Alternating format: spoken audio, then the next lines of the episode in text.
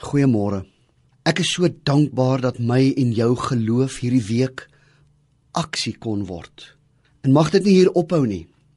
Ek staan eendag op 'n perron by 'n stasie en ek besef ek weet nie mooi waarna toe hierdie trein gaan nie.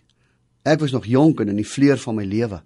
En skielik hardloop ek na 'n kennisgewing bord toe en ek besef hierdie tyd wat die bord sê is reg.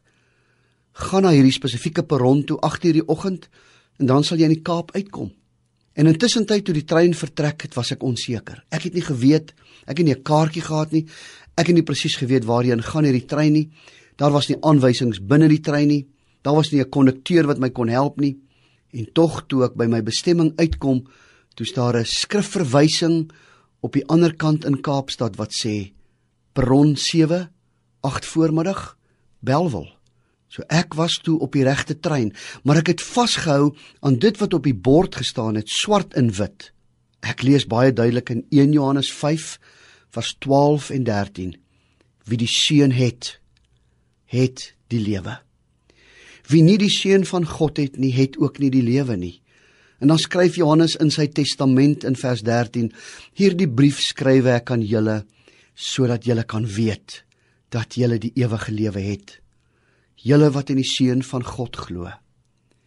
Jy is in jou lewenstrein op pad na 'n bestemming. Na God se bestemming.